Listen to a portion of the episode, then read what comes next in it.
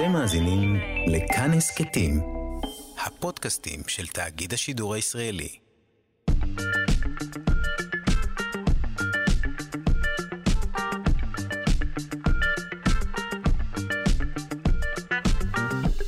שלושה שיודעים. בוקר טוב, אתם על כאן תרבות, שלושה שיודעים, תוכנית המדע והידע של ישראל. אנחנו עם כל המחקרים, כל הפיתוחים המדעיים והטכנולוגיים וכל מה שבאמת מעניין לדעת.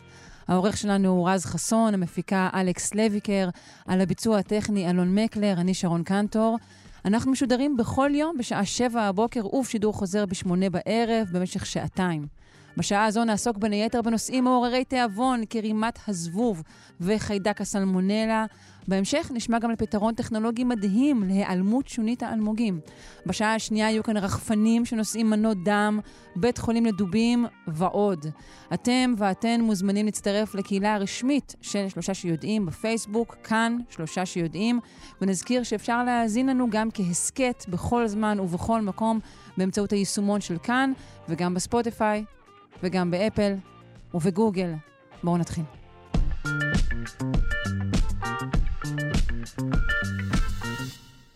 ללא ספק, יותר מנושאים אה, אולי חשובים יותר, אה, הסלמונלה העסיקה את הישראלים הרבה מאוד בשבוע האחרון. אה, אולי קצת יותר נושא ההחזרים, נושא האחריות של החברות, נושא האחריות של משרד הבריאות, מתי הודיעו לנו ולמה. הרבה מאוד נושאים uh, שהם גם כלכליים וגם uh, פוליטיים, וכרגיל uh, שילוב לא בהכרח בריא של השניים. אבל אנחנו כאן, בשלושה שיודעים, רוצים להכיר בעצם את החיידק הזה קצת יותר טוב. אה, ולשם כך זימנו לכאן דוקטור דרור ברניר, מיקרוביולוג באוניברסיטה הפתוחה, מחבר הבלוג חיידקים, נגיפים ושאר ירקות, וחבר בעמותות מדע גדול בקטנה ומדעת. שלום, בוקר טוב, דוקטור ברניר. בוקר טוב, שרון, ושיהיה היי. בהצלחה. תודה רבה. אה, אז אה, בוא ספר לנו קצת על החיידק הזה. אה, זה חיידק מעניין מכל מיני בחינות. יש לו אגב השפעות כלכליות מאוד מאוד גדולות, כמו שבאמת הזכרת בפתיח. זה אחד משני החיידקים הכי אנטי-כלכליים שאנחנו מכירים. השני הוא זה חיידק שנקרא ליסטריה, שעליו אולי כן. נדבר בהזדמנות אחרת. כן, זה בכלל חיידק רדיקלי שמטרתו לפגוע בחברות ענק ובפסי נכון. ייצור ברחבי העולם. נכון, נכון, והוא מהווה בעיה מאוד מאוד חמורה, אבל בעיקרון זה חיידק מעיים, בעיקר של אה, זוחלים ועופות, אבל גם ביונקים. אה, ביונקים הוא בעיקר גורם למחלות מעיים שמתבטאות בעיקר בהקאות ושלשולים. אה, אגב, לא מדובר בחיידק אחד, אנחנו מדברים על סוג שיש בו, נכון להיום, שני מינים שני סך מינים. הכל. אה, שני מינים, לא שלושה? אוקיי. שני מינים, mm-hmm. שאחד המינים בעצם יש לו למעלה מ-2,300 זנים שונים. אה, זה הסוג שמעניין אותנו, כן. סלמונלה כן. אנטרידיס. כאילו נשמח להכיר גם את כל השאר, אבל זמננו קצר. כן, עכשיו, לא ברור לי לגמרי איזה, איזה חיידק פגע ב, כרגע, באיזה מהזנים בעצם פגע ב, בחברת עילית. אבל זה כזה כנראה חיידק שעמיד קצת לחימום. אחד הזנים שעמיד לחימום, ואז כנראה מדובר על חיידק שנקרא סלמונלה סנפטנברג. אבל השם אוי, באמת זה, לא זה חשוב. זה שם מכובד, לא, דווקא זה ככה נעים מאוד, אה, שם משפחה והכול. אה, אבל למה דווקא, כלומר, שוקולד באריזה, אני מודה שזה נשמע לי מוצר די תמים, ובכלל כשגילו לפני אה, כמה חודשים סלמונלה בביצי קינדר, זה היה נשמע כמו בדיחה, זה אמור להגיע לביצי אמיתיות, לא לביצי קינדר. אז נכון. איך בכלל הוא מגיע למקומות האלה? שוב, המעבר של חיידק כזה הוא, ב, הוא במעבר שאנחנו קוראים לו בעגה המדעית מעבר פקאלי-אוראלי. פסס mm. זה צואה, mm-hmm. אוראלי זה פה. זה כשצואה כן. מגיעה לפה. ואיך צואה מגיעה לפה? כשמישהו שיצא מהשירותים ונושא את החיידק הזה, לא רחץ ידיים היטב, ואחר כך הוא העביר ונגע באיזשהו חומר גלם בתהליך הייצור, אה, או בכוונה או שלא בכוונה. הבנתי שגם האספקט הזה אמור להיבדק. Mm, שאולי זו חבלה. שאולי זה okay. איזושהי אוקיי. חבלה uh-huh. שמשהו, גם זה יכול להיות. אוקיי. Okay. אז אה, בכ- בכל מקרה, וכמובן יש גם מקרים ששמים את החיידק הזה בכוונה. כן. אה, ב- היו, ב- היו ב- בהיסטוריה ניסיונות, אה, ניסיונות בעצם להרעלות סלמונלה, נכון? אתה יכול נכון, לספר לנו על נכון. חלק מהם? אה, בהחלט, היה, היה, היה בארצות הברית, נדמה לי בשנת 84, אל תתפסי אותי בשנה, כן, כן, אה, באורגון, אני חושבת. כן, שניסו לשבש בחירות על ידי הרעלה של התושבים שהגיעו חולים ביום הבחירות, אה, על ידי הרעלה עם סלמונלה שהכניסו לתוך עוגיות ומוצרים אחרים. אה, זה לא כל כך הצליח בסוף. אהה. אבל זה היו היה- אנשי- אנשי- אנשי כת בעצם, נכון? שרצו להשפיע כן, על ה- כן, על שרצו הבחירות. להשפיע על בחירות אה, של יישוב מסוים באורגון. אוקיי. והיו עוד מקרים של הרעלה מכוונת כזו? כן, הי- היו, היו אפילו לא מעט. אה, כשאנחנו מדברים על אה, לוחמה ביולוגית, אה, אחת הדוגמאות באמת שמביאים זה באמת הרעלות של סלמונלה. אני כרגע מנסה להיזכר בדברים נוספים, מהמם. אבל אבל אתה אומר שזה בעצם זה- סוג של בעצם נשק אז- שכזה, אוקיי. כן, כן, כמו, כמו חיידקים אחרים. חיידקים בכלל יכולים לשמש כנשק ביולוגי, וזה בהחלט נושא שמפריע. אוקיי. כן. אה, אז בעצם אנחנו אומרים שאם פס הייצור היה אה, אה, כולו ממוכן, אז היה קשה יותר, או, או המקרה הזה בעצם לא היה קורה? אף פעם, היה- אף פעם אה, זה לא ממוכן לגמרי. גם אם רוב העסק ממוכן, באיזשהו מקום אנשים מעורבים. אה, בהתחלה, באמצע, יכולים להתכנס דברים ויכולים להיכנס זיהומים. איפה בדיוק, אנחנו לא ממש יודעים. איך, איך אנחנו בעצם בולשים אחר הנקודה שבה החיידק נכנס אל, הפס? קודם כל דוגמים בצורה שגרתית. לכל חברה גדולה, אני מניח, יש, יש את המיקרוביולוג שהתפקיד שלו לדגום כל מיני נקודות בפס הייצור, או, או לפחות מישהו שדוגם ומעביר למיקרוביולוגים שיבדקו, האם יש איזה שהם זיהומים ספציפיים שבודקים, כמו ליסטריה, כמו סלמונלה, יש גם חיידקים נוספים. ואז בודקים ופתאום מוצאים, הרי כך זה התחיל כנראה פה, שבדגימה שגרתית פתאום מצאו באחד הפסים אה, את החיידק. כן. ואז התחילו לבדוק גם מוצרים, בהתחלה חשבו שאין ועכשיו פתאום יש, לא, לי לא ברור בדיוק מה קרה עד הסוף, כי הדיווחים בתקשורת די מבולבלים. כן, שזה בהחלט מעורר שאלה, וגם באמת על מידת אה, המעורבות של משרד הבריאות, ועד כמה בעצם נותנים לחברות גדולות ל- להיות הש- השוטרות של עצמן, לא? קודם כל זה, זה חייב להיות, קודם כל הן צריכות לבקר את עצמם, זה כן. גם אינטרס שלהם. אני חושב שה, שזה יהיה פגיעה גם, בח- פגיעה גדולה מאוד בחברה עכשיו, גם לאור ההתנהלות של ה... שעיכבו את, ה, את הסיפור. אני לא כל כך, לא כך ברור לי מה קרה בדיוק, אבל זה בהחלט יפגע גם בחברה עצמה, כך שזה גם אינטרס שלה. וכמובן שמשרד הבריאות צריך לפקח על הדברים האלה, וגם הוא צריך לבדוק מטעמו, וזה בהחלט מאוד מאוד חשוב. אה, כן, כל הגורמים, כל גורמי הביקורת פה, אה, כל, כל גורמי הבקרה שצריכים לבקר, צריכים לעבוד כמו שצריך, ופה הייתה, הייתה פשלה, אה, כמו תמיד. כן. זה לא פעם ראשונה הרי שמדברים על מוצרים. לא, בהחלט לא. אנחנו מדברים אנחנו- גם על דגני בוקר, היה לנו סיפור נכון. עם תאגיד יוניליבר בעבר, גם כן שהיה זיהום של סלמונלה בדגני בוקר. גם, זה, גם שם. אה, נכון, אני אה, תוהה אם זה שהסיפורים שאנחנו בעצם יודעים עליהם אה, כרוכים באמת בתאגידי ענק, זה בגלל ששם דווקא יש יותר בקרה, או כי המוצרים שלהם פופולריים יותר? כי זה מה ששמתי לב ב- ב- בעצם... זה בהחלט יכול להיות, וגם שם, ברגע שיש זיהום כזה, אז הוא גם, הוא גם הוא, הוא בהיקף, בהיקף הרבה יותר גדול, כן. ואז הסיכוי שיתגלה הוא גם יותר גדול. כי אז יהיו הרבה חולים, או הרבה נשאים. אגב, לא בכל uh, התפרצות כזו שמוצאים את החיידק, יש גם אנשים חולים. גם עכשיו לא ברור אם כל אלה שהתלוננו על, ה, על שלשולים וזה, אכן באמת זה נפגעו בכלל, מזה, זה ארוחת חג לא שני, קשור כמובן, לאיזשהו- כמובן.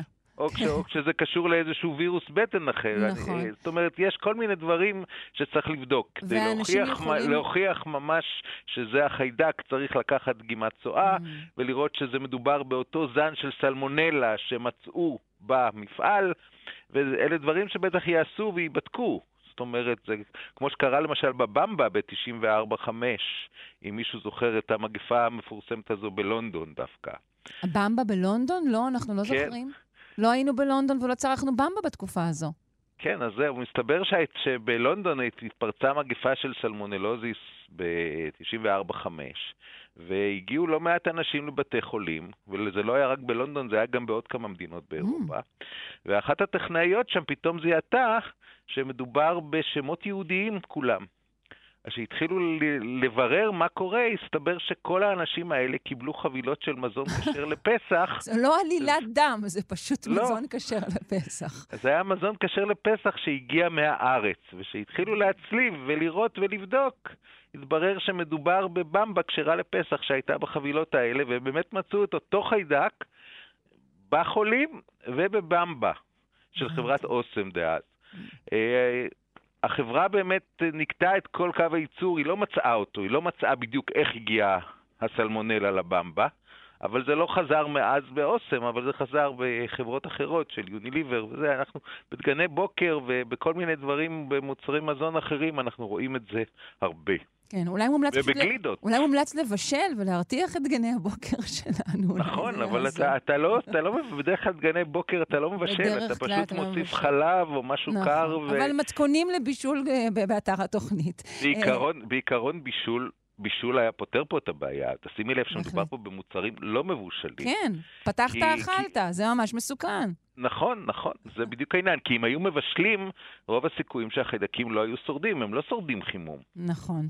אה, טוב, נ, נסיים אה, להזכיר לכל מאזיננו ששטיפת ידיים זה, זאת המצאה ופיתוח נהדר. אנחנו ממש ממליצים על זה, נכון? במקרה הזה כן, אבל גם לא כן. לא לצרוך מוצרים ש, שהגיעו עם סלמונל הזה, אז שטיפת ידיים לא תעזור. לא, זה כבר לא. לא, אני מנסה למנוע את זה בשלב מוקדם יותר.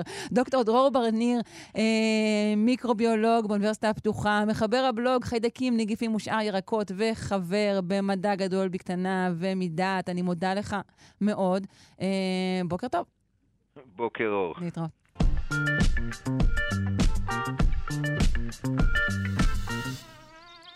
איזה בוקר מחיידקי סלמונלה לרימות זבוב. אנחנו בוחנים את... Uh, את uh, עמידות הקיבה שלכם. על הקו נמצא פרופסור בועז יובל מהפקולטה לחקלאות, מזון וסביבה באוניברסיטה העברית, uh, שבעצם יספר לנו על רימת הזבוב שמסתבר שהיא יודעת להבחין בין חיידקים טובים לרעים. שלום פרופסור יובל, מה שלומך? בוקר טוב. בוקר אור. Um, אוקיי, אז רימת הזבוב יודעת להבחין בין חיידקים טובים ורעים. אני מודה שזה לא דבר שרציתי לחשוב עליו בכלל. למה כדאי לי? אה, אז בואי, בואי נלך צעד אחורה. אוקיי. רגע, ונזכיר שכל האורגניזמים הרב-תאיים, בין אם זה אה, חולייתנים כמו כמונו, אה, או דגים, או חסרי חוליות כמו החרקים, יש להם קשר מאוד אינטימי עם מגוון גדול של חיידקים. באדם בשנים האחרונות יש המון מחקר על ההשפעה של החיידקים במעי על המצב הבריאותי שלנו, על מערכת החיסון, על מצב הרוח אפילו, mm-hmm. ויש אומרים שזה גם משפיע על בחירת בן או בת זוג. Mm. Okay? אה, החרקים ש... מבחינות רבות הם הרבה יותר מפותחים מאיתנו, כי יש היה להם הרבה יותר זמן... אה, לעבוד על זה, לעבוד על העסק, וגם לא בלבלו אותם אולי עם כל מיני דברים רגשיים, הם ידעו מה חשוב. בדיוק. אה, אז גם שם אנחנו מוצאים מגוון עצום. אה, של חיידקים שהם או צוותאים סימביונטיים הכרחיים שבלעדיהם חרק לא יכול להתקיים, או שהם עוזרים לו בכל מיני משימות שקשורות לתזונה שלו או לרבייה שלו, אוקיי? Mm-hmm. זה מבחינת רקע. עכשיו, אה, ספציפית, אנחנו חקרנו זבוב שהוא מזיק בחקלאות, זבוב הפירות של הים התיכון, והזבוב הזה מטיל את הביצים שלו בתוך פירות. אני יכולה לפתוח רגע סוגריים ולשאול כן. האם יש זבובים שהם טובים למשהו? אני, מבחינה אקולוגית, אני לא חושב ש, אה, שהשאלה הזאת לגיטימית, אני חושב שכל אוי, אורגניזם אני מתנצלת הוא... בפני אוכלוסיית הזבובים, ובכלל כן. בפני כל מאזין שנפגע, או אז מאזינה. קודם כל, יש הרבה זבובים שחשובים בהאבקה של צמחים, אה, למשל. יש זבובים שהם טורפים, אה, אבל כל אה, אורגניזם יש לו מקום בתוך ה... המארג האקולוגי. נכון. שאלתי מנקודת מבט של, של, של, של אדם, אה, אני ממש מתנצלת. נכון, אבל אנחנו הגענו הרבה אחריהם, והם יישארו כנראה הרבה אחרינו, אז אני חושב אוקיי. שזה... בסדר, אנחנו מאוד מתנצלים. אנתרופוצנטרי.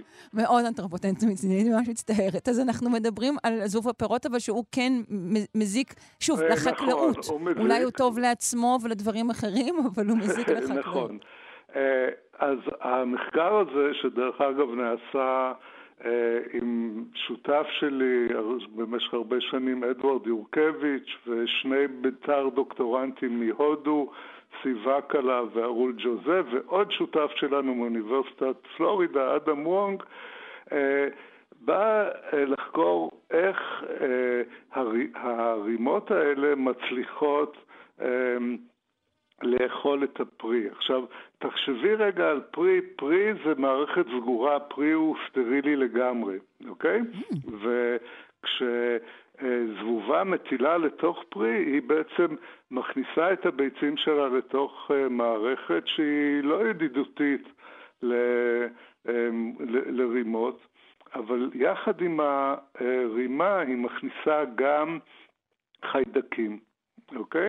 והחיידקים האלה מתחילים אה, לפרק את הפרי וגם לפרק את חומרי ההגנה הטבעיים ש, של הפרי, מהמם. ובמקביל הרימה מכרסמת את הפרי ויוצרת מין אה, עיסה כזאת, ומה שאנחנו רואים בסוף זה מין פרי רקוב.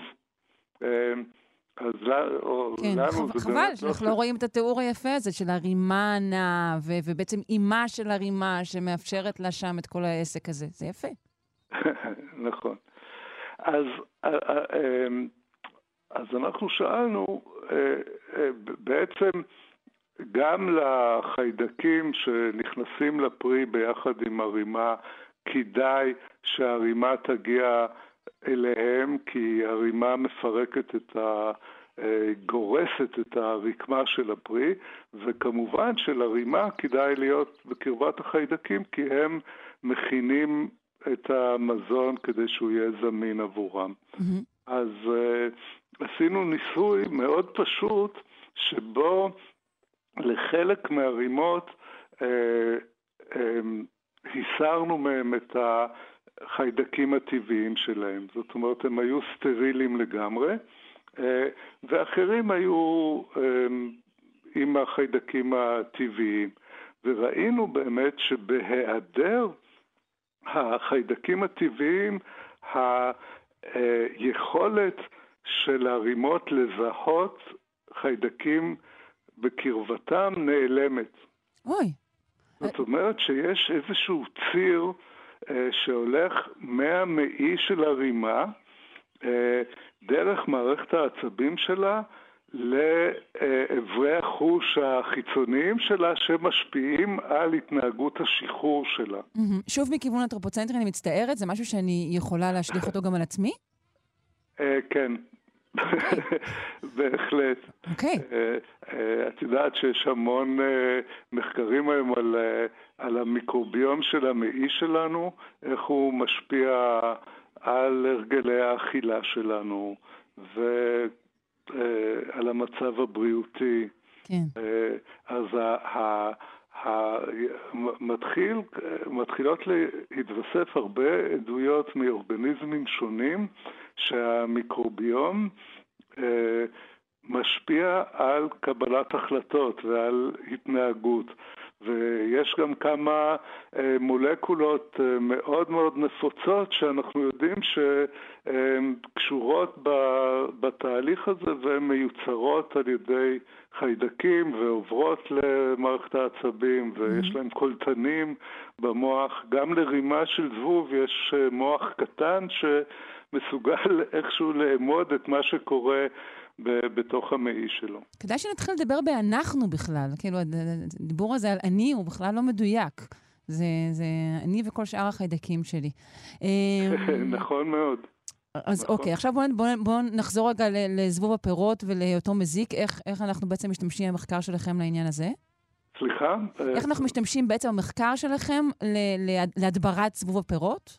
אה, אוקיי. אז תראי, זה משהו שהוא אה, הרבה יותר בעתיד, אבל אנחנו באמת אה, מקווים למצוא איזשהו מנגנון שבו אולי בעזרת אה, חרק אחר שמגיע יותר מאוחר, הוא יביך איזשהו חיידק פתוגני לתוך פרי שהוא כבר נגוע, ואז נוכל לקטוע את ההתפתחות של הרימות בפרי הזה שהוא כבר נגוע וממילא אבוד לחקלאי, אז אנחנו נפגע בשפעה של החרקים בדור הבא. אבל זה משהו שאנחנו עוד אה, אה, עובדים עליו, כן. ואני, עוד אין לנו תוצאה עוד חזון למועד. מוצר. אבל, אבל אני, אני שומעת ככה, אולי במובלע, ואולי אני לא שומעת בכלל, שבעצם אולי אחוז מסוים מהפירות שכן נפגעים, אולי זה כן טוב, זה באמת שומר על, אה, על איזשהו איזון כללי? תראי, במערכת טבעית, שבו יש עצים עם פירות, אה, אז אה, אחוז אה, קטן מהם יהיה, יהיה נגוע בחרקים שאוכלים אותם. הבעיה כמובן היא הבעיה החקלאית, שיש לנו מאות דונמים ש, של אותו גידול. ואז יש מיליוני פירות שזמינים לחרקים האלה, ואז האוכלוסייה שלהם אה, גדלה, ו... ואז זה, דור... זה דורש התערבות מצד החקלאי או מצד המערכת הכוללת. כן. אוקיי, אז צריך באמת להבחין בין מערכת אה, טבעית אה, לא מופרעת ומערכת חקלאית, בעיקר כשמדובר במונוקולטורה בשטחים מאוד מאוד גדולים. אז זה כבר מצב שהוא, האיזון בו הופר. נכון. טוב, אה, פרופסור יובל, אה, אז אני מודה לך על הבשורה לגבי הרימה הנבונה הזו, אה, ומאחלת לך המשך בוקר טוב וטעים ובריא. תודה רבה. תודה רבה, פרופסור בועז יובל מהפקולטה לחקלאות, מזון וסביבה באוניברסיטה העברית.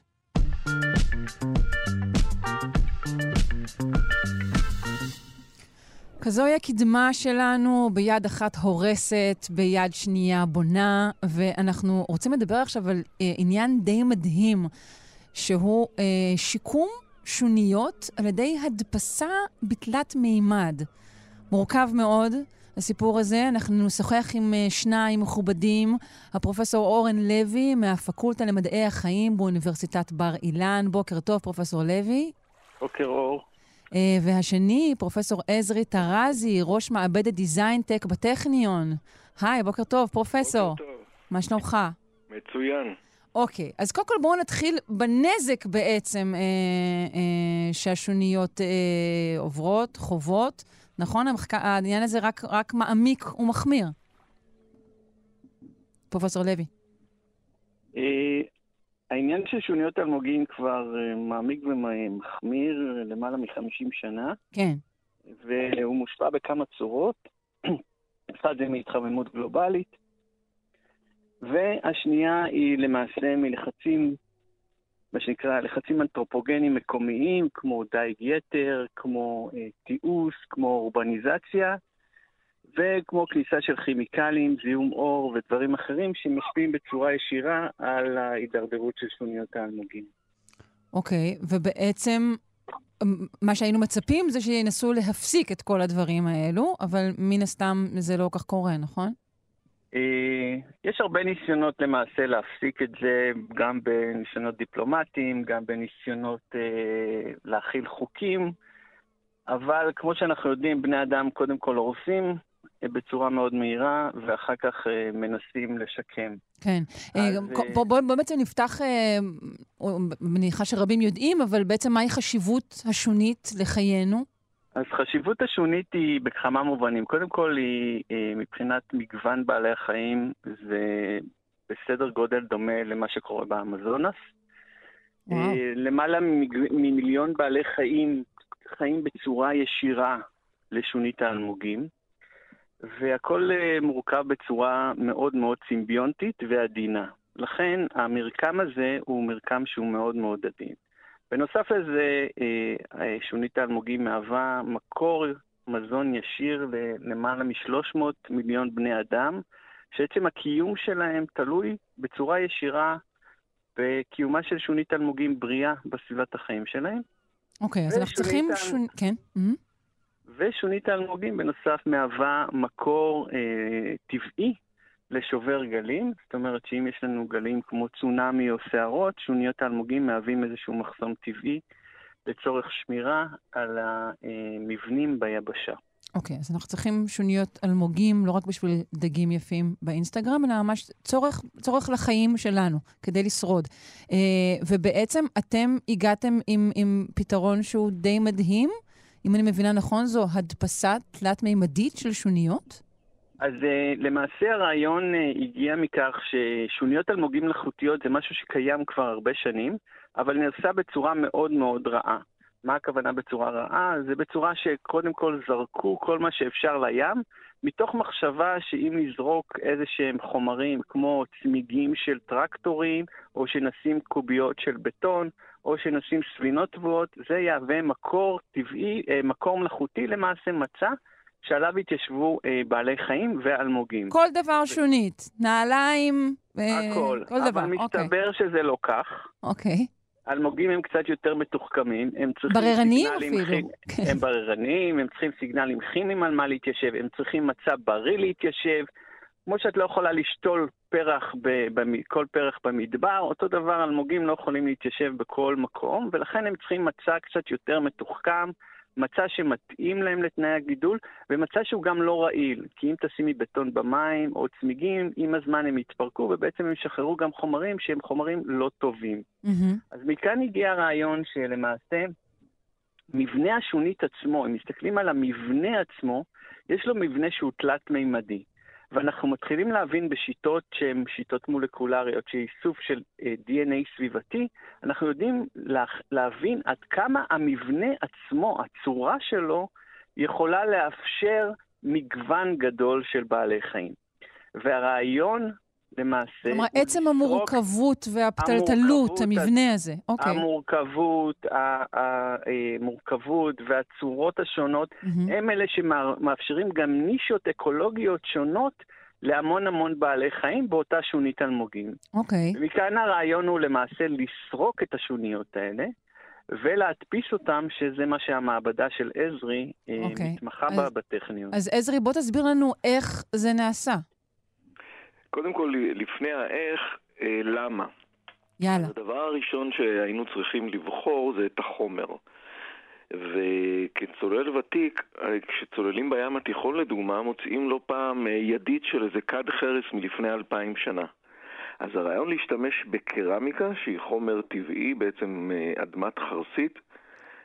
מה שאנחנו קוראים חימר בחבר'ה? חימר, נכון. וזה חומר כל כך עמיד, כי תמיד חשבתי שלא. הוא מאוד עמיד. אוקיי. לאורך שנים. אה, והרעיון הוא בעצם היה כמובן אחרי סריקה של הרבה מאוד אופציות של חומרים, אה, לבחור בחמר כמובן בתערובות ייחודיות אה, למה שמתאים, אחרי ואחרי בדיקות, זה מכמה טעמים. אחד הוא טבעי, הוא לא הוא מייצר שום נזק. שתיים, גילינו שהוא מאוד אטרקטיבי לפלנולות של אלמוגים. והדבר השלישי, הוא זול. אז ה- השימוש בחמר זה דבר אחד. אתה יכול להסביר שוב את את נושא האטרקטיביות? החומר, החמר, הוא, יש לו, אה, אחרי השריפה הוא הופך להיות פורוזיבי. פורוזיבי זה אומר שהוא נקבובי, והנקבוביות הזאת מאוד עוזרת אה, לפלנולות להיצמד. הדבר השני זה שהם אה, מקבלים אותו כמצע טבעי, אה, ואנחנו רואים שהיצמדות ראשונית של חומרים ביולוגיים כמו אצות וכולי, קורה אחרי זמן מאוד קצר, אה, לאחר חודש. להגיד שאנחנו יודעים את כל הדברים, אה, עוד לא ראיינו אה, פלנולה של אלמוג באופן אישי, אבל אנחנו כן רואים מהניסיונות שלנו בים בחמש שנים האחרונות, היצמדות מאוד מאוד מרשימה ש...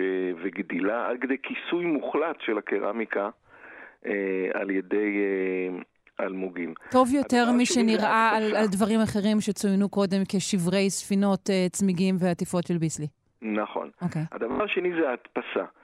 אה, לעומת תבנית שמייצרת לנו לדוגמה קדים או עציצים אה, או רעפים שעושים את אותו חלק אה, באותה צורה, ההדפסה מאפשרת לנו לייצר כל חלק בצורה חדשה, בצורה אחרת.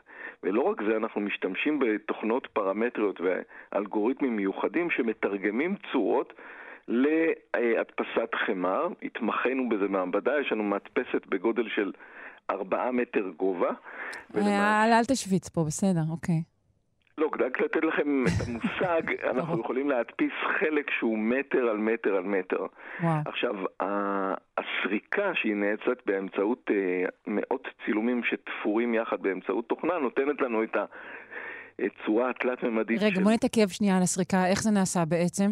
למעשה אנחנו עושים את זה בשיתוף פעולה עם אה, חוקרים מאוניברסיטת חיפה. אנחנו לוקחים אה, אה, בעצם מצלמה, מייצרים אה, אלפי תמונות או מאות תמונות סביב אה, דגם של אה, שונית אמיתית מוצלחת מתחת למים, מצלמים אותה מהרבה מאוד זוויות מסוג של כיפה, ואז יש תוכנה שתופרת את כל התמונות האלה יחד לתלת מימד. עכשיו, התרגום של זה לתוך ההדפסה גורם לחלק המודפס להיות מאוד דומה לשונית האמיתית.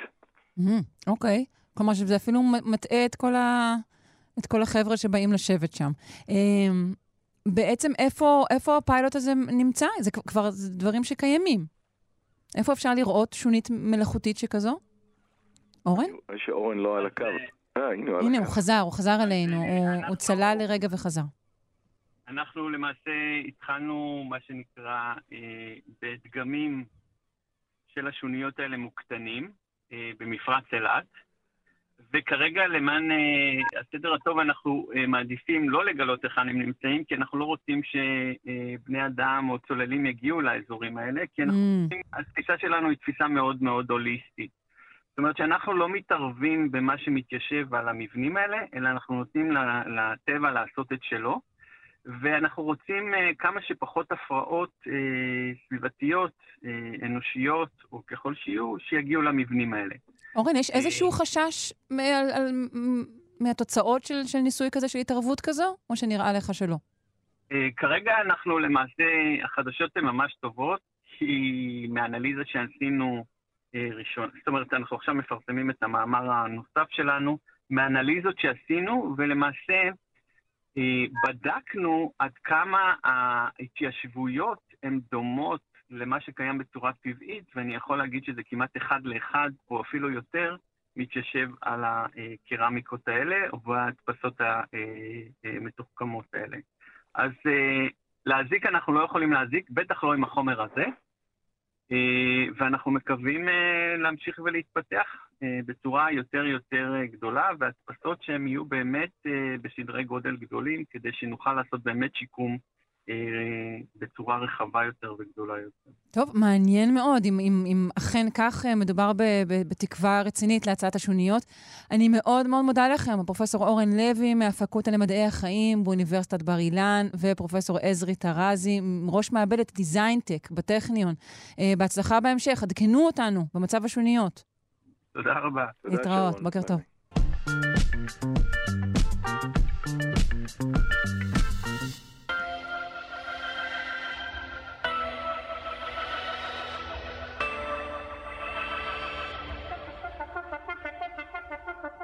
אנחנו עם פינת החדשנות ברפואה.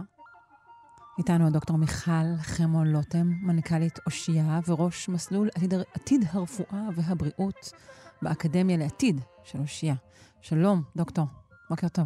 שלום, בוקר טוב שרון. אנחנו מדברים היום על רחפנים שמטיסים מנות דם לאזורים כפריים ברואנדה? רחפנים? לגמרי. לגמרי. בעצם אה, הרחפנים, שזה סוג של אה, מטוסים אוטונומיים ללא טייס. בואו רגע... אנחנו יודעים מה זה רחפנים, אנחנו לא אוהבים רחפנים, בגדול. מתנגדים לא? לרחפנים כאן, כן. למה? תחשבי שהרחפנים האלה עכשיו יכולים לקצר טווחים במדינה שמעל אה, מהאוכלוסייה בגר באזורים כפריים. אז עכשיו אני, מתחילה, עכשיו אני מתחילה לחבב רחפנים. בבקשה, כן. אז כן, אז, אז אני מקווה שעד סוף השיחה שלנו אני קצת אגרום לך לחשוב מחדש, כי תחשבי שעכשיו אפשר דרך אותם רחפנים לשלוח לנגיד ילד שיש לו מלאריה וחייב עירוי דם מיידי, כי אחרת הוא בסכנה, או, או מבוגר. שלחי אליו רחפן כרגע. עכשיו, עכשיו. רחפן, רחפן חמוש במנת דם שמותאמת לו והוא מצניח אותה, ובמקום בממוצע מעל שעתיים זה 40 דקות, וזה מה שקרה באותה, באותה מדינה. איך, איך בעצם המערך הזה החל לפעול? אז בדיוק, ב-2016 הם יצרו שיתוף פעולה עם חברת רחפנים מובילה מארצות הברית, ופרסו מערך של 13,000 רחפנים, כדי, והם החליטו להתמקד בנושא של אירועי דם. יש ניסיון שהתחיל להצטבר ברחפנים שמטיסים אה, תרופות או דפיברילטורים, אבל באירועי דם, אז אה, כמה שאני יודעת, זו פעם ראשונה שעשו את, ה, את הניסוי הזה, אה, כי הם באמת הייתה להם את הבעיה שרוב האוכלוסייה שלהם גרה באזורים הכפריים המבודדים. אז זו הייתה בעיה גם של הגעת מנות הדם וגם של, של אפסון שלהם אולי לאורך זמן? בדיוק, בדיוק, בגלל שהדם אה, בסופו של דבר אה, יכול להחזיק חודש, אולי יותר, אבל התוצרים שלו, כמו תציות דם, יכולים להחזיק זמן הרבה יותר קצר, ואז מה שהתחילו לעשות באזורים האלה, מרוב פחד שימותו להם אנשים, כי באמת, אתה יודע, והתחילו לאחסן כמויות הרבה מעל הצורך, ואז כמובן התחילו לזרוק כמויות מעל הצורך, כי בסופו של דבר גם אה, הרבה פעמים צריך לתת אותו בחירום, זה לא דבר שאפשר להיערך עליו כן. חלק גדול מהפעמים מראש. כלומר, אם חלילה קורה, נגיד, אסון אפילו שהוא גדול יחסית, אז יש צורך בהרבה נכון. מאוד מנות דם. נכון, גם במקרה של אסון המונים, אבל גם במקרה, את יודעת, חס וחלילה פציעת אה, חקלאות, ב, ב, ב, ויתרה מכך, באמת מה שראו זה שאחד, אה, הזמן התקצר, וזמן זה חיים במקרה חירום ברפואה, משעתיים ל-40 דקות, 41, mm-hmm. אבל הם גם ראו שהבזבוז הדם הזה שדיברנו עליו, שזורקים את המנות, ירד בכשני שליש, ב-67 אחוזים. דרך אגב, זה, זה לא היה להם פשוט כל הדבר הזה. גם uh, המדינה הזאת היא מדינה כנראה מאוד הררית, ותנאי הטיסה ומזג האוויר משתנים. אז המפעילים של הרחפנים היו צריכים לבדוק וממש לתכנת שוב את המסלול בהתאם לתנאי מזג האוויר. או למשל, יש עד היום, עוד לא נפתר, אני מקווה שתוך כמה שנים, בעידוד אה, מו"פ של חברות כמו טסלה, הבעיה של הסוללה, שמגבילה את הטווח שאפשר להרים אליו רחפן היום כמשהו שהוא אילוץ, או אפילו פחדים שם במדינה הזאת ש... שיהיה שימוש ברחפנים הזה בשביל לוחמה או טרור. כן, שהפחדים האלו הם לגיטימיים. אנחנו יודעים הרי שטכנולוגיה כמעט אין מנוצלת לפחות לשני צדדים. כלומר, נגיד נאמר טוב ורע. כל פעם שעושים איתה משהו טוב, אפשר תמיד, וצריך תמיד להניח שמישהו, משהו, האור והחושך קבועים בעולם הזה, אז מישהו או משהו ינסו למצוא את השימוש הרע שבדבר הזה, ולכן צריך לעבוד בחוכמה, בזהירות, אבל פה בפירוש יש לנו אה, אה, קרן, קרן אור, אני חושבת, משמעותית, כל נושא הרחפנים נכנס, יחד עם כל הרובוטים שמשנעים משנים תרופות, משנים ציוד רפואי, ובפירוש יש פה הזדמנות, כי הסיפור של רפואה באזורים כפריים, הוא, גם במדינת ישראל, שהיא מדינה שרובה מרוכז במרכז הארץ, יש אנשים שהנגיש, בצפון ובדרום, כן. שהנגישות שלהם לשירותים רפואיים, גם מבחינת טווח הנסיעה וגם ברמת התורים, היא בעייתית, והדבר כן. הזה עולה בחיי אדם. וגם לעיתים ברמת אה, אה, אה, האיכות, אנשים, כוח אדם, יש הרבה מאוד, הבדלים וגם... רבים מאוד בין פריפריה לבין מרכז, גם בישראל. נכון, נכון. ופה...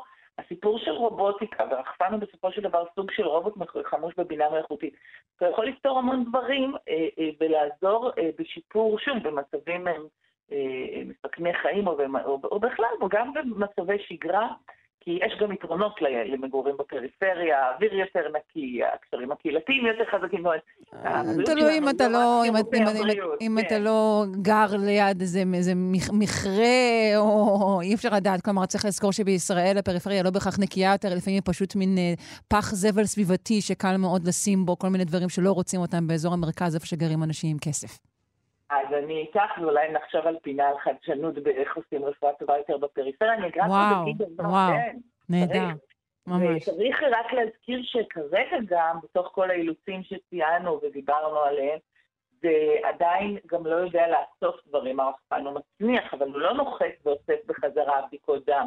לא. בהנחה שהשירותים אה, פחות אה, אה, נגישים, אז בדיקות המעבדה יצטרכו להיכנס לסמארטפון על פרובים, וגם זה פינה חדשה. כן, זה, זה בכלל, זה דורש מערך, מערך של, של, של, של דאטה ושל יישום מאוד מאוד מורכב. זה לא כזה, היי, העליתי רחפן והוא זורק לך דם על הראש. נכון, ואת צודקת, וברואנדה, דרך אגב, כמה שזה מפתיע, זאת מדינה שהדאטה הרפואי שלה מעולה, והרשומות שלה מצוינות, ודווקא זה פה שיחק לטובת כל ה...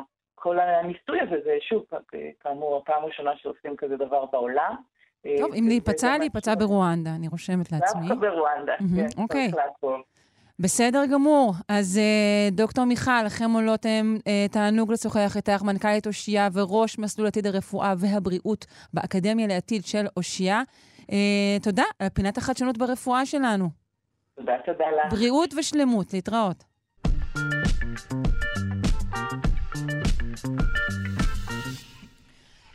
שאלה שמעסיקה רבים מאיתנו היא, למה, בשם אלוהים, העטלף המצרי משתמש בקולו כדי לנווט אם הוא רואה נהדר? אנחנו כל הזמן אומרים, הרי אתה רואה נהדר, למה אתה בכלל משתמש בעניינים של תהודה?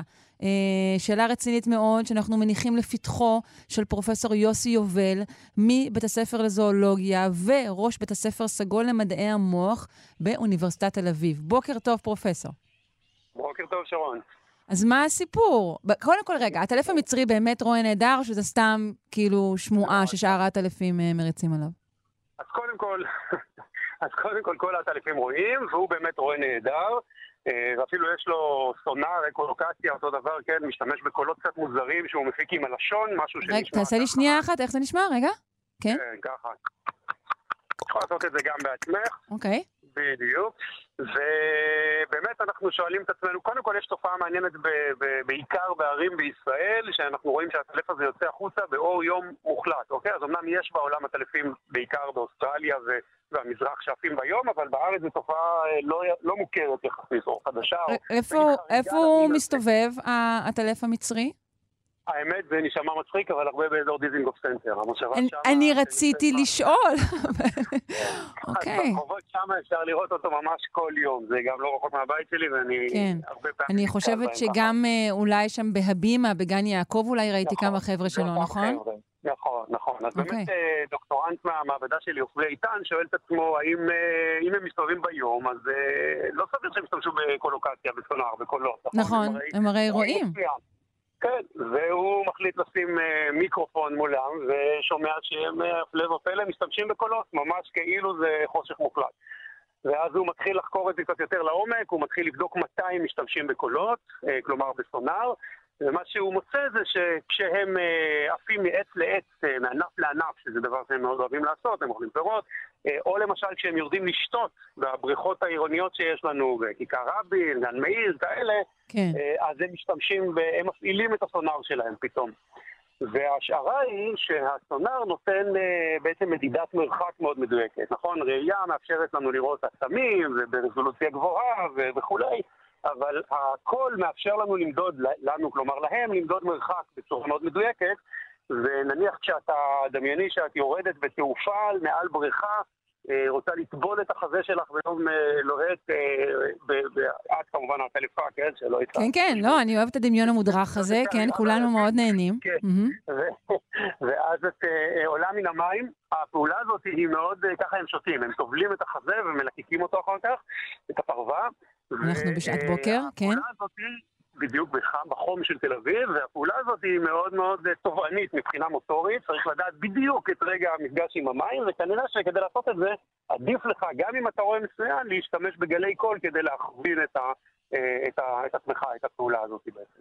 וואו, זה נהדר. זאת אומרת, אין כאן איזשהו בזבוז של אנרגיה, זאת אומרת שלמרות שיש לי חוש כזה, אני אשתמש במשהו אחר. זה עד, עדיין, הטבע הוא עדיין מדויק. בדיוק, שאלה, בדיוק, שאלה מצוינת. אה, אני הייתי אומר, אם הם עושים את זה, אז אין בזבוז של אנרגיה, כי הם יכולים לכבות את זה, אנחנו יודעים ש, שהם לעיתים מכבים את זה כשזה לא רלוונטי. Uh, את יודעת, אני יכול uh, uh, גם לתת לך איזשהו משל על עצמך, כשאת חוצה כביש, אז כמובן מסתכלת כדי לראות אה, אם מגיעות מכוניות. אני מסתכלת בטלפון שלי כדי לראות אם הגיעו הודעות, כן, כאילו, כן. בדיוק.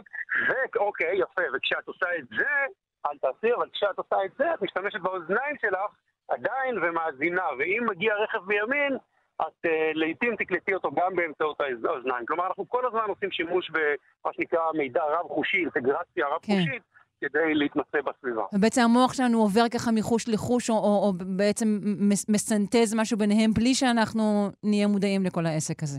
איך מתבצעת האינטגרציה הזאת זו שאלה באמת מרתקת, שהרבה אנשים חוקרים אותה לא רק... לא, אנחנו נענה עליה כאן ועכשיו, בבוקר הזה.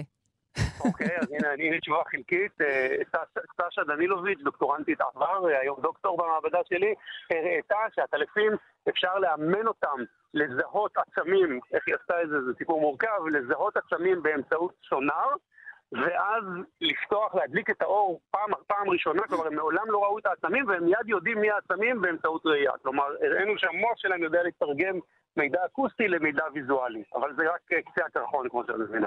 וואו. אוקיי. אה, טוב, זה היה מרתק. אה, אז אנחנו לא צריכים אה, להילחץ כשאנחנו רואים עטלפים אה, בשעות היום, זה דבר שקורה. העטלף המצרי מסתובב, אז אה, תגידו לו בוקר טוב כשאתם רואים אותו, ונגיד גם לך אה, בוקר טוב ותודה רבה, פרופ' יוסי יובל, מבית הספר. לזואולוגיה וראש בית הספר סגול למדעי המוח באוניברסיטת תל אביב.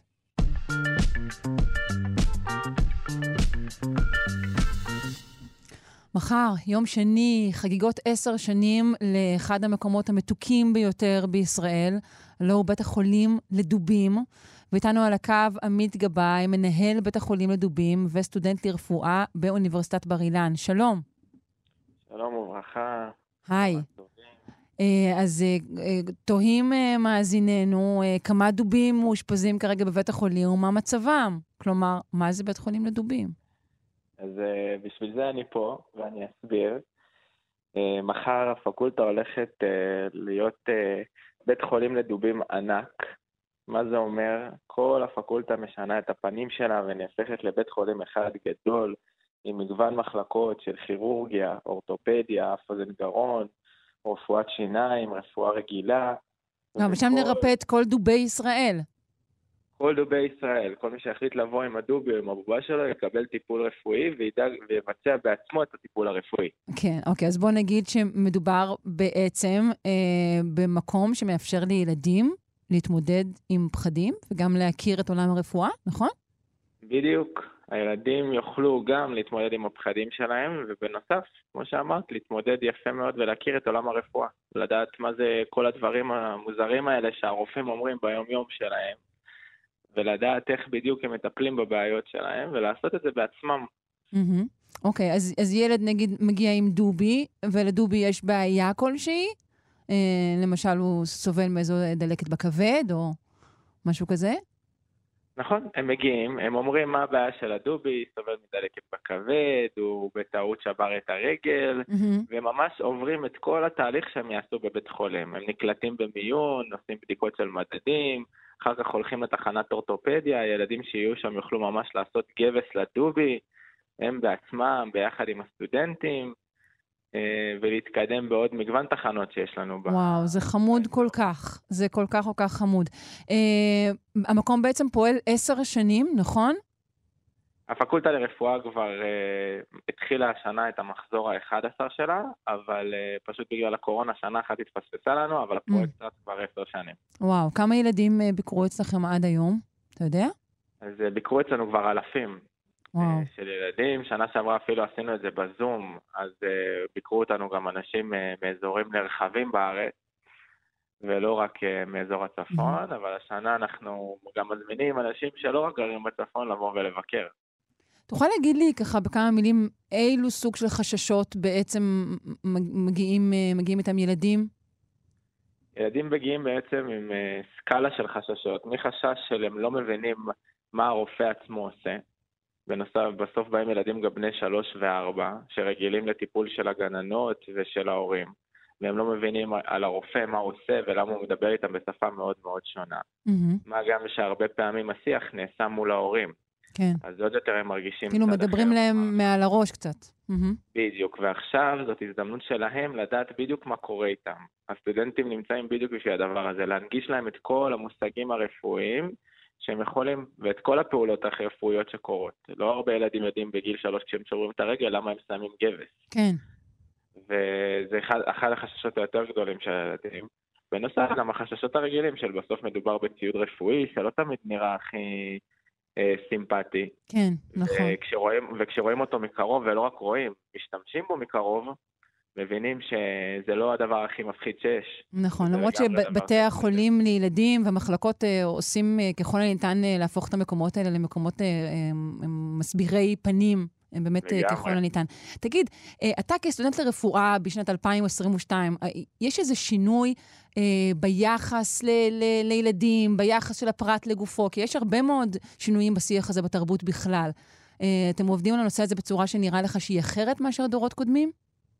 אני לא יודע אם אחרת מדורות קודמים, אני כן יכול להגיד שאנחנו בפקולטה לומדים המון על איך לגשת גם לילדים וגם לאוכלוסיות השונות, ולומדים המון על איך להנגיש את זה באמת לפרט, ולדעת שעומד מולי מטופל, ולא ההורה שלו דווקא בהכרח. אה, ולדעת איך אנחנו מדברים אליו ומנגישים את זה אליו ככל הניתן במגבלות הזמן. כן, ואיך אנחנו אה, ניגשים לגוף שלו, כי הרי בשנים האחרונות יש הרבה תוכניות כאלה של גופי ברשותי ודברים כאלה, זה בטח גם כן משנה קצת. לגמרי, אנחנו יודעים איך לדבר ולהנגיש, ובסוף אה, אנחנו יודעים שככל שאתה מסביר יותר, אתה יודע שהכל מועבר הלאה. שום דבר הוא לא נראה מוזר או זר, אלא אתה יודע לדעת ולהסביר למה אתה עושה כל דבר ודבר. כן, ככה גם הילד וגם ההורה רגועים שעושים את מה שעושים, כי זה חלק מנוהל ומפרוטוקול, והם יודעים גם למה עושים את כן. זה. זה מפיג חששות לא רק לילדים, גם, אה, גם להורים. טוב, נהדר, אז נחזור על ההזמנה. מחר יום שני בין השעות 4 וחצי ל-7 במתחם הפקולטה בצפת, נכון? בדיוק. מתחם מוזמנים? הפקולטה בצפת, בדיוק. מוזמנים אילו גילאים, אתה אומר? שלוש עד שבע, שמונה, בשמחה. יופי, נהדר. אה, עמית, אני מאוד מאוד מודה לך ובהצלחה. תמשיכו לעשות את הדבר שאתם עושים כל כך טוב. תודה רבה. תודה רבה רבה לך. עמית גבאי, סטודנט לרפואה באוניברסיטת בר אילן ומנהל בית חולים לדובים. תודה, יום טוב.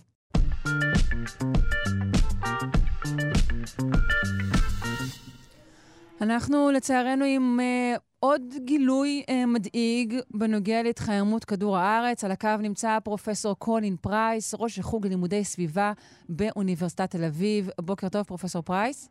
בוקר טוב. Uh, אז בעצם, מהו הגילוי החדש לגבי אה, גז החממה, נכון? כן, אז יש כמה, כמה גזי חממה. במצב, uh, הסיפור הזה אנחנו מדברים על מתאן, מהמם. שזה אולי הגז השני בחשיבותו אחרי פחמן דו-חמצני. Uh, יש הרבה מקורות של מתאן, גם טבעיות וגם כתוצאה מבני אדם. מהמם. אחד העיקרים זה אכילת בקר או הפליטות מבקר וגם גידול של אורז uh, בכל העולם שמייצרים מתאן, המזבלות שלנו. והדבר החדש שבעצם שגילו פולטות גזים המ- המזבלות שלנו, נכון? כן, כן, וגם אפילו uh, הצינורות של הגז טבעי שלנו שמשתמשים בחשמל, יש הרבה דליפות משם. כל אלה מייצר, uh, יש פליטה של הגז מתאן לתוך האטמוספירה, אוקיי. והגז הזה בולע חום. הוא בולע חום שנפלט מכדור הארץ ולא נותן את החום הזה לצאת לחלל, כמו לשים שמיכה על כדור הארץ, ולכן אנחנו מתחממים. אז אחד מהגורמים להתחממות כדור הארץ זה הגז מתאן. וגילו עכשיו שקודם כל הקצב של עלייה של גז מתאן בעולם עולה. אה, הקצב אה, בשנה שעברה זה הקצב העלייה הכי גבוהה שראינו מאז שהתחלנו באמת למדוד לפני 40 שנה באופן מדויק את הריכוזים באטמוספירה. אוי ואבוי. גם הוא, הוא גם בשיא, גם ב-2021 הוא הריכוז הכי גבוה שמדדנו, כמו um, לפחות אלף שנה, אם לא אלפי, עשרות אלפי שנים um, אחורה. אוקיי, ואז- השאלה למה יש האצה דווקא. בדיוק, זו תוצאה של פעילות טבעית או פעילות אנושית? זו תמיד השאלה. נכון, אז כנראה שלא טבעית, מפני שלא ראינו דבר כזה בעבר, אבל השאלה גם אם זה כתוצאה מבני אדם, מה, מה גורם, מה, אם, האם זה יותר פרות ש... או יותר המבורגרים שאנחנו אוכלים, הגידול של האוכלוסייה בעולם, או יכול להיות uh, מה שקורה בקווי רוחב גבוהים בסיביר ובאלסקה, באדמות הקפואות, מה שאנחנו קוראים פרמפרוט, שזה קפוא כל השנה בדרך כלל, הטמפרטורה ממוצע, אה, מהמם. מתחת לאפס גם בקיץ, ובתוך הקרקע שיש הרבה חומר אורגני, כמו כבול שמתחת לאדמה. כן, כמו חומר יש- של ביצות. מהמם. נכון, ושיש הפשרה כתוצאה מהתחממות כדור הארץ, אז גם משם יש פליטה של מתאן. אז רגע, זאת אומרת שהתחממות כדור הארץ יוצרת עוד התחממות של כדור הארץ, אם ננסח את זה נכון, בצורה... נכון, ואנחנו קוראים לזה משוב חיובי, שאנחנו מתחילים משהו וזה מאיץ את התהליך. אז אנחנו גורמים קצת להתחממות כשאתה כדור אומר הארץ. משוב חיובי, אנשים נהיים מרוצים, אז, אז אני לא יודעת כן, לא, זה... זה לא חיוב, כל כך חיובי, כן. אבל זה, זה מזין את עצמו, התהליך הזה. כן. אז יש, יש התחממות כדור הארץ, כתוצאה מזה יש הפשרה של הקרקעות בקווים, בקווי רוחבים גבוהים, זה גורם לפליטה של מתאן, עוד חימום, עוד הפשרה, וזה מאיץ את התהליך הזה של התחממות כדור הארץ. אז בשעה שאנחנו אולי יותר מתעסקים בפחמן, אנחנו אולי קצת שוכחים לדאוג למתאן, או שזה רק תחושה שלי? אה, נכון, נכון, והאמת היא שרק מהכנס האחרון של- האו"ם בגלזגו לפני, בנובמבר, באמת התחילו אה, לשים את זה על השולחן, הנושא של מתאן. החדשות הטובות עם מתאן, זה הזמן החיים שלהם באטמוספירה הרבה יותר קצר לעומת אה, פחמן דו-חמצני. אז אם מטפלים בזה, עם הבעיות של מתאן, אנחנו נראה, תוצאות בתוך נגיד עשור. לעומת CO2 זה ייקח כמה עשרות כמה שנים עד שאנחנו טובים. נראה את, את ה, אוקיי. את, um, תשובה. אבל ומה מצד השני, התכנון, מה התכנון לעשות? יש כבר אה, דברים אופרטיביים?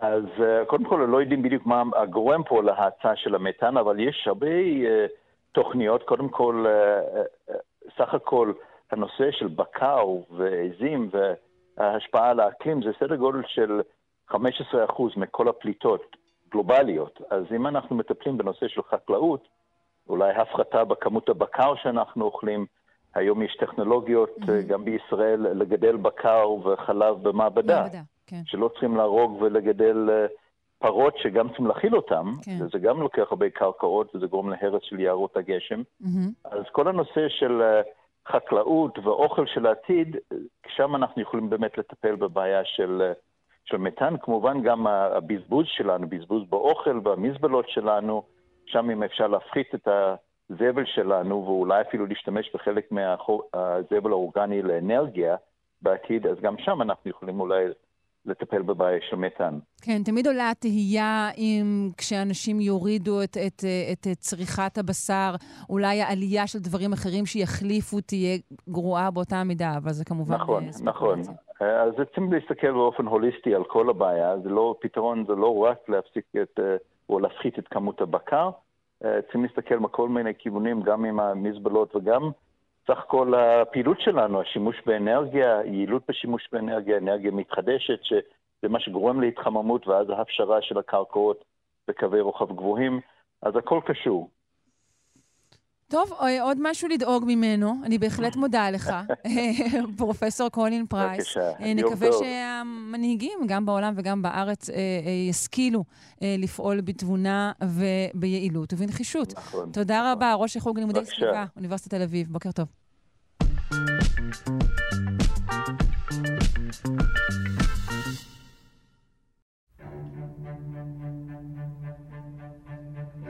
הימים שבין יום השואה ליום הזיכרון הם תמיד ימים שמעוררים מחשבות, תהיות, הרהורים, זיכרונות. מחשבה שעוזרת לי בימים האלה היא שלכל דבר יש משמעות, ושהכל חוזר. זה הזכיר לי סיפור ששמעתי, סיפור שמתרחש אי שם בארצות הברית.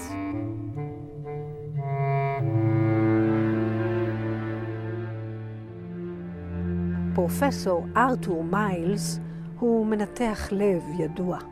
הוא מנהל מרכז לניתוחי לב עם צוות מיומן. אבל זה לא תמיד היה כך. הוא מספר שכשהיה ילד, הם גרו בפרבר עני בניו יורק. הוא חי חיים צנועים עם אמו ואביו בדירה קטנה.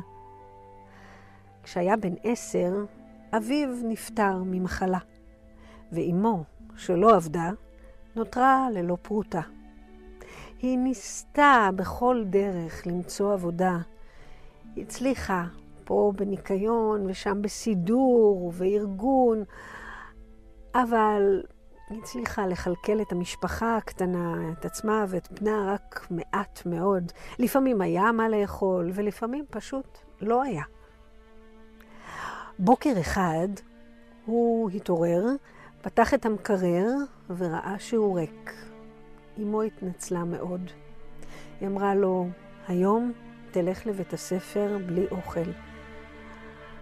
אבל אני מבטיחה שכשתחזור, תחכה לך כאן ארוחה. בינתיים, היא אמרה, קח לך קוביית סוכר. אני מקווה שזה קצת ישכיח את הרעב. הוא הלך לבית הספר. קוביית הסוכר עשתה דווקא את ההפך. במקום להשכיח את הרעב, היא דווקא הזכירה אותו. הוא לא הפסיק לחשוב על אוכל. הוא היה בדרך כלל תלמיד ממש מצטיין, אבל היום היה לו קשה להתרכז. בהפסקה הוא הרגיש שהוא פשוט מתמוטט ושהוא פשוט חייב לאכול משהו. אז הוא החליט לעשות משהו שהוא אף פעם לא עשה, הוא פשוט יצא מבית הספר והתחיל לשוטט ברחובות. הוא חשב לעצמו, זו שכונה שבה אף אחד לא מכיר אותי, אני אדפוק על אחת הדלתות, אולי מישהו יפתח וייתן לי קצת לחם. זה לא יזיק. והוא באמת הסתובב ברחובות והגיע לאיזו כניסה, היו שם שתי דלתות. על אחת ציור של נמר, ועל השנייה היה שלט, ועליו כתוב מוריס ג'קסון. משפחת ג'קסון, הוא חשב לעצמו, בטח משפחה נחמדה, בטח תפתח לי את הדלת אם המשפחה והיא תיתן לי משהו לאכול, ואני אלך מכאן מהר. הוא ניגש לדלת, דפק עליה בחשש. את הדלת, להפתעתו, פתחה ילדה בגילו. שלום, אני ממש ממש מצטער, אני, אני, אני עברתי כאן, אני, אני פשוט צמא, אולי תוכלי לתת לי כוס מים ואני, ואני אלך לי? הילדה, שנראתה קצת חיוורת, חייכה אליו חיוך גדול ואמרה, אצלנו לא שותים מים, חכה. היא נכנסה וחזרה עם כוס חלב גדולה וצלחת ועליה ארבע עוגיות, שנדמה היה שזה עתה יצאו מהתנור. בבקשה, זה בשבילך. תודה לך, הוא אמר, ובלי לחשוב יותר מדי, הוא שאל אותה, למה את בבית? למה את לא בבית הספר? והיא אמרה, אני חולה, אני הרבה בבית. הוא כרסם את העוגיות הטעימות במהירות, ואז שאל אותה, איך קוראים לך? והיא אמרה, רוזלין. נעים מאוד, אני ארתור. הוא אמר, ובמהרה חייך אליה, סיים את העוגיות, אמר תודה וברח. כולו נבוך מהמעמד. הוא חזר לבית הספר. העוגיות עזרו לו לעבור את היום. חלפו שנים. הוא סיים את בית הספר בהצטיינות, גם את התיכון. הוא קיבל מלגה והתחיל ללמוד רפואה. הוא הפך למנתח לב ידוע. הוא פתח את המרכז שלו, הוא גייס צוות מיומן, הוא ניהל אותו. אנשים היו מגיעים למרכז הזה מכל העולם. הוא כבר היה באמצע שנות ה-60 שלו, נשוי באושר, לאישה שגם היא רופאה, היו להם שלושה ילדים, הם חיו בבית יפה, הם חיו חיים טובים. כשהוא היה מגיע למרכז, בבוקר, היו תמיד מוסרים לו את התיקים, והוא היה מסתכל עליהם ומפנה אותם לטיפול. ביום ההוא, התיק הראשון בערימת התיקים היה תיק שהשם שכתוב עליו מיד הזכיר לו משהו. היה כתוב שם רוזלין ג'קסון. זה החזיר אותו אחורה 50 שנה. האם יכול להיות שזו היא? הוא הסתכל על התמונה, תמונה של אישה קצת חלשה, אבל החיוך שלה היה ללא ספק החיוך ההוא שהוא זכר מאז. הוא ביקש לראות אותה. הוא בדרך כלל לא ראה את המטופלים, אבל היום הוא ביקש להיכנס לחדרה. הוא שאל אותה איפה היא גרה, והיא מסרה את הכתובת, והכתובת הייתה בדיוק השכונה הזו שליד בית הספר שבו למד. הוא שאל אותה איך קוראים לאבא שלך, והיא אמרה לו, מוריס ג'קסון. הוא דיבר איתה על הטיפול, והודיע לצוות שהוא אחראי על הטיפול שלה באופן אישי.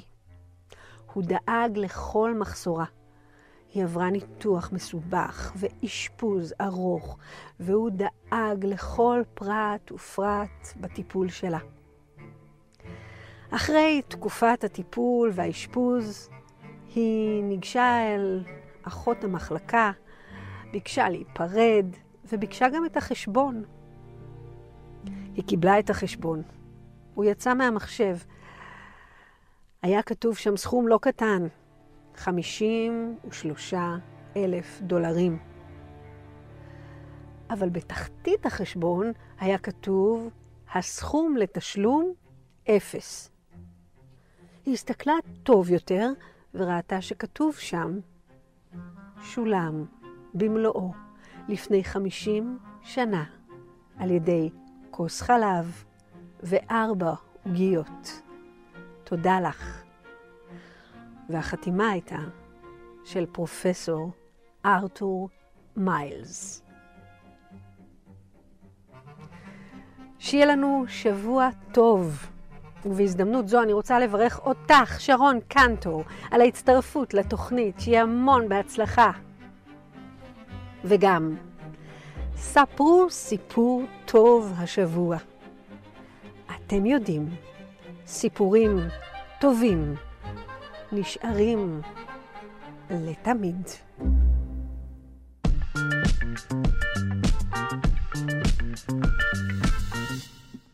לקראת יום העצמאות, שיצוין השבוע, אנחנו רוצים בעצם להבין אה, מה מיוחד בהמנון שלנו, התקווה, ולשם כך אה, אנחנו בפינת הקתדרה למוזיקה עם הפרופסור משה זורמן, מלחין, מנצח ומייסד הקתדרה למוזיקה בשיתוף דוקטור אסטרית בלצן. בוקר טוב, פרופסור זורמן.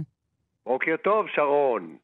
אנחנו נס... כן, נשמח להכיר את ההמנון שלנו מעט טוב יותר מבחינה מוזיקלית. טקסטואלית או. מדברים עליו לא מעט, אבל מוזיקלית יש בהחלט מקום להרחיב. יש מקום להרחיב, וכמובן אפשר לעשות לזה הרצאה שלמה, אבל אנחנו נלמד הרבה יותר טוב על הייחוד שלו, כי באמת יש לנו המנון חד פעמי שכולם מתפעלים ממנו. לא כל מדינה אומרת שההמנון שלה חד פעמי. כן, אבל אנחנו, היום אנחנו נשווה את זה לשלושת ההמנונים הגדולים אה, המפורסמים של, של המעצמות, ונראה כמה אנחנו שונים ומיוחדים. קודם כל, הסיפור של המנון בכלל הוא רעיון יחסית אה, חדש של המאה ה-18, התערערות האביב העמים והמהפכה הצרפתית וכולי.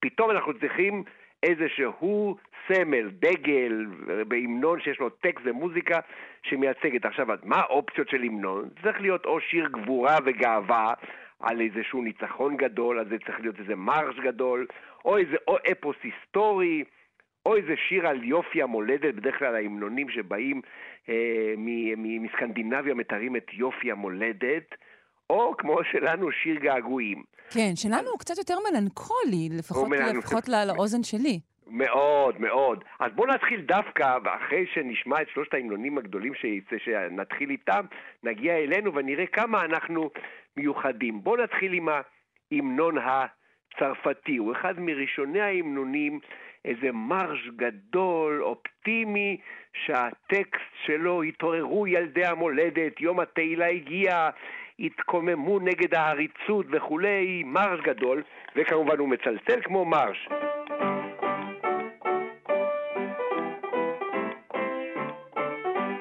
אז איך יודעים שזה מרש גדול?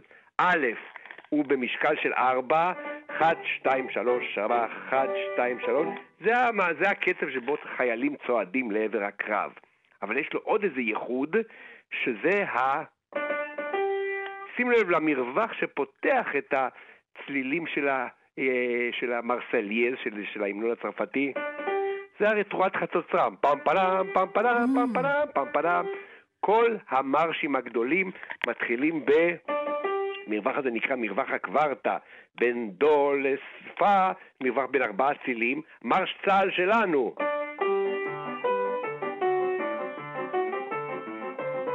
בקיצור, תרועת החצוצרה... כן.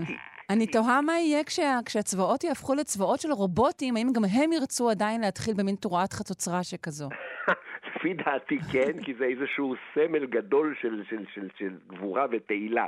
אז בשביל התחלה בוא נשמע את ההמנון הצרפתי, ומשם התחיל בעצם המסע של לחפש המנונים גדולים בכל אומה. נו,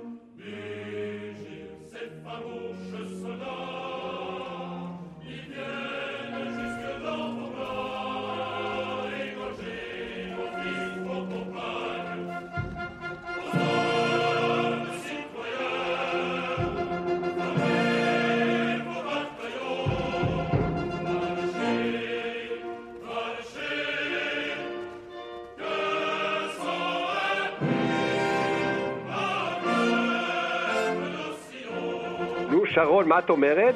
אה, זה יפה. אני תוהה אם בחרת לנו איזשהו ביצוע מיוחד? לא, רציתי לי רק ביצוע שנותן את התחושה של הגדולה והעוצמה, זה איזה כן. מקהלה אני, אני, גדולה. אני משלבת, זה, זה משלב את הרגש האוטומטי של, אתה יודע, איזו יראה והתעוררות, יחס עם, אתה יודע, יחד עם קצת אה, אולי רתיעה באמת מה, מהמיליטריזם השוצף שנובע מהדבר הזה. גם ההמנון הצרפתי, אם אני לא טועה, הוא גם, נכון, הוא עבר אה, ממיוחס לשמאל, לימין ושוב לשמאל, נכון? נכון, כן, וגם הביצועים שמבצעים אותו אה, רבים ו- ושונים.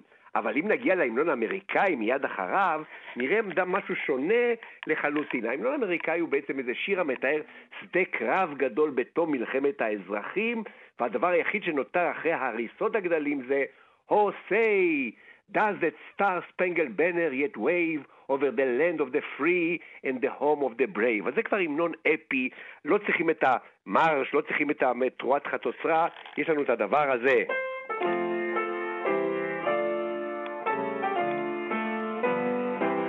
שימי לב, זה אמנם במז'ור ובתחושה של אפוס גדול, אבל זה כבר במשקל של שלוש. אחת, שתיים, שלוש, אחת, שתיים, שלוש, אחת.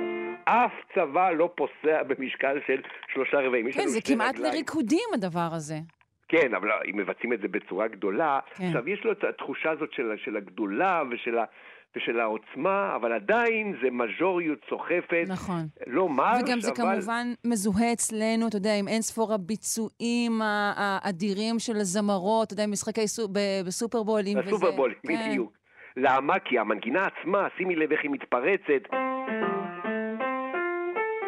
הולכת מנמוך לגבוה ונותנת אפשרות לביצועים קוליים מאוד מרתקים, החל מליידי גגה ו- וצפונה. סלסלי אותו, גברתי, סלסלי. סלסלי, בוא נשמע, אמנם בביצוע מאוד מאוד צבאי, אבל נבין גם את הרוח האמריקאית.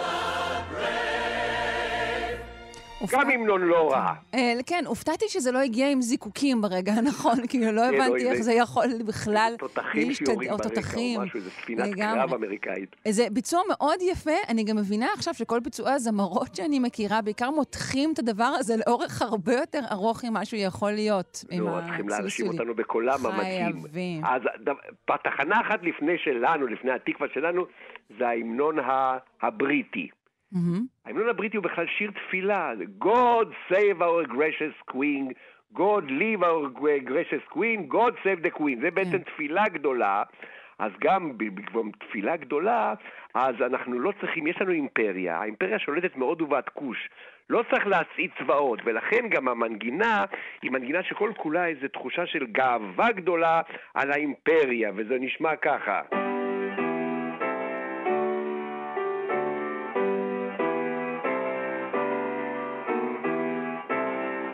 Save our queen. גם כן במשקל של שלושה רבעים, כי זה לא צריך לעתיד, אנחנו כבר שולטים על העולם, ולכן הגאווה שלנו כזאת ש...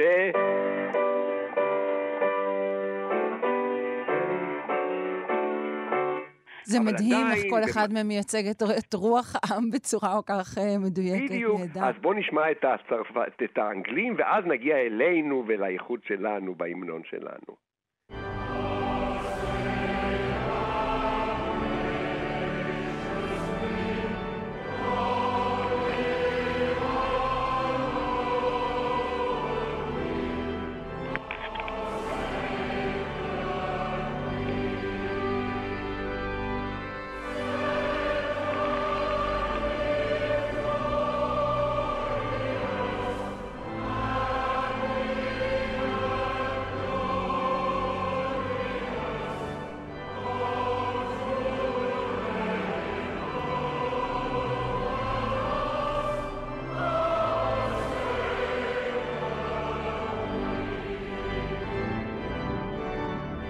וכמובן, צילי גדולה שאין כמותם, כן, האימפריה. הקדושה. והיראה. אבל נראה לי שכמעט כל דבר שאתה נגן בעוגב ועם מקהלה גדולה כזו, אה, כן. ייצור את אותו האפקט. חוץ, מה, חוץ מההמנון שלנו אולי. אולי. ואז אנחנו. מגיעים אלינו. שרון, אנחנו ההמנון היחיד בעולם שהוא מנוגן בסולם המינורי. כל ההמנונים ששמענו עד עכשיו היו סולם מז'ורי, סולם שיש לו את התחושה הזאת של ה... של הניצחון, של הערמות. כן, אבל אנחנו, יו בו בו בו בוי. אוי אוי אוי. אתה, לא נתחיל לדבר על המקורות של המנגינה הזאת, רק העובדה שאנחנו מנגנים את הדבר הזה, ההמנון היחיד בעולם שהוא במינור, כי הוא בא ממקורות של תפילה, אה, לך בשלום גשם ובוא בשלום טל, יש לנו כל מיני רמזים לגבי... עלולים להגיד שאנחנו אולי קצת בכיינים. אולי, לא, יש לנו מסע של אלפי שנים של, של, של גלות, נכון, ואנחנו, לנו המילה, קשה. מילת המפתח שלנו היא המילה גאווה בעצם, אה, לא גאווה אלא תקווה. תקווה. ולכן דווקא במילה תקווה, שימי לב, עוד לא עבדה תקוותנו. הקפיצה הזאת של האוקטבה, לה לה, כן. שכולם מזייפים בה כמובן, וכל אחד ממציא איזה מרווח אחר, וזה נשמע קטסטרופה בדרך כלל, באה בדיוק על המילה תקוותנו, כי זה בעצם הסיפור של ה- של ההמנון שלנו, תקווה, תקווה. זהו, עכשיו שאתה אומר, פתאום פעם ראשונה אני מבינה שתקווה בעצם מעידה על כך שהמצב כרגע הוא לא משהו. כי אם הוא היה מצוין כל כך, אולי לא היה צריך תקווה. זה, זה הסיפור שלנו, אנחנו באיזה התחושה שאנחנו מנסים לשחזר את גדולתנו ההיסטורית. מה עוד מיוחד בהמנון? זה ההמנון היחיד, עד עכשיו שמענו, כמו שאת אמרת בעצמך, אורגן, כלי נשיפה, מקהלה ענקית. כשאנחנו באים להמנון שלנו, כבר מההתחלה, כבר בזמן חתימת על מגידת העצמאות, מי נגנה את ההמנון? התזמורת הפילהרמונית הישראלית. ופתאום הסאונד השולט הוא סאונד של תזמורת סימפונית.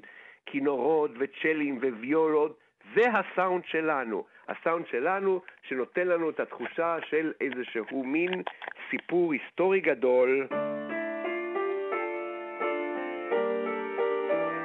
אז קודם כל יש לנו את המינור, ואחר כך יש לנו את התחושה שדווקא בתזמורת סימפונית עם מיתרים גדולים, זה ייתן לנו את התחושה שככה צריך לשיר את ההמנון שלנו. בקיצור, עוד לא עבדה תקוותנו, יש לנו הרבה דברים שמייחדים אותנו, אבל ההמנון שלנו הוא היחיד שהוא גם במינור, הוא גם תקווה, והוא גם מנוגן בתזמורת סימפונית עם מיתרים ולא עם כלי נשיפה, ולכן אנחנו חושב, אני חושב שהוא, ככה לפחות אומרים כולם, אחד ההמנונים המיוחדים והיפים שיש לנו בעולם. אה, זה כל כך הרבה דיונים על הטקסט שלו, אבל באמת אף פעם עוד לא שמעתי הצעה להגיד שאולי נהפוך אותו למז'ורי.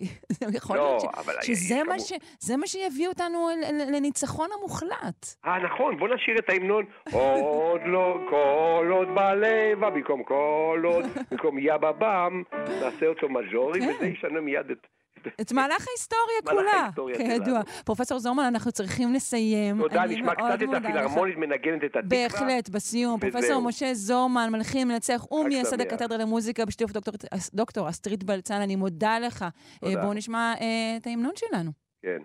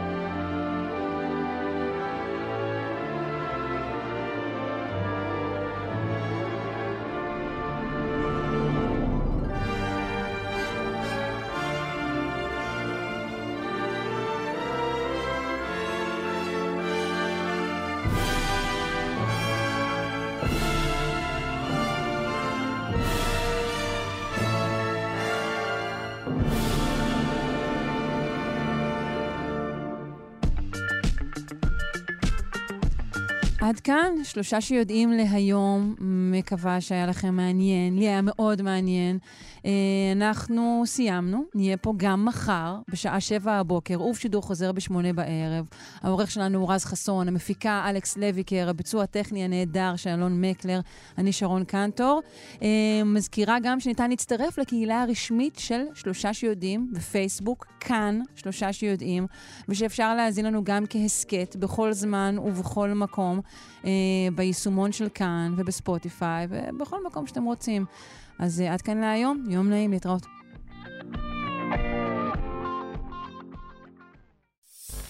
אתם מאזינים לכאן הסכתים, הפודקאסטים של תאגיד השידור הישראלי.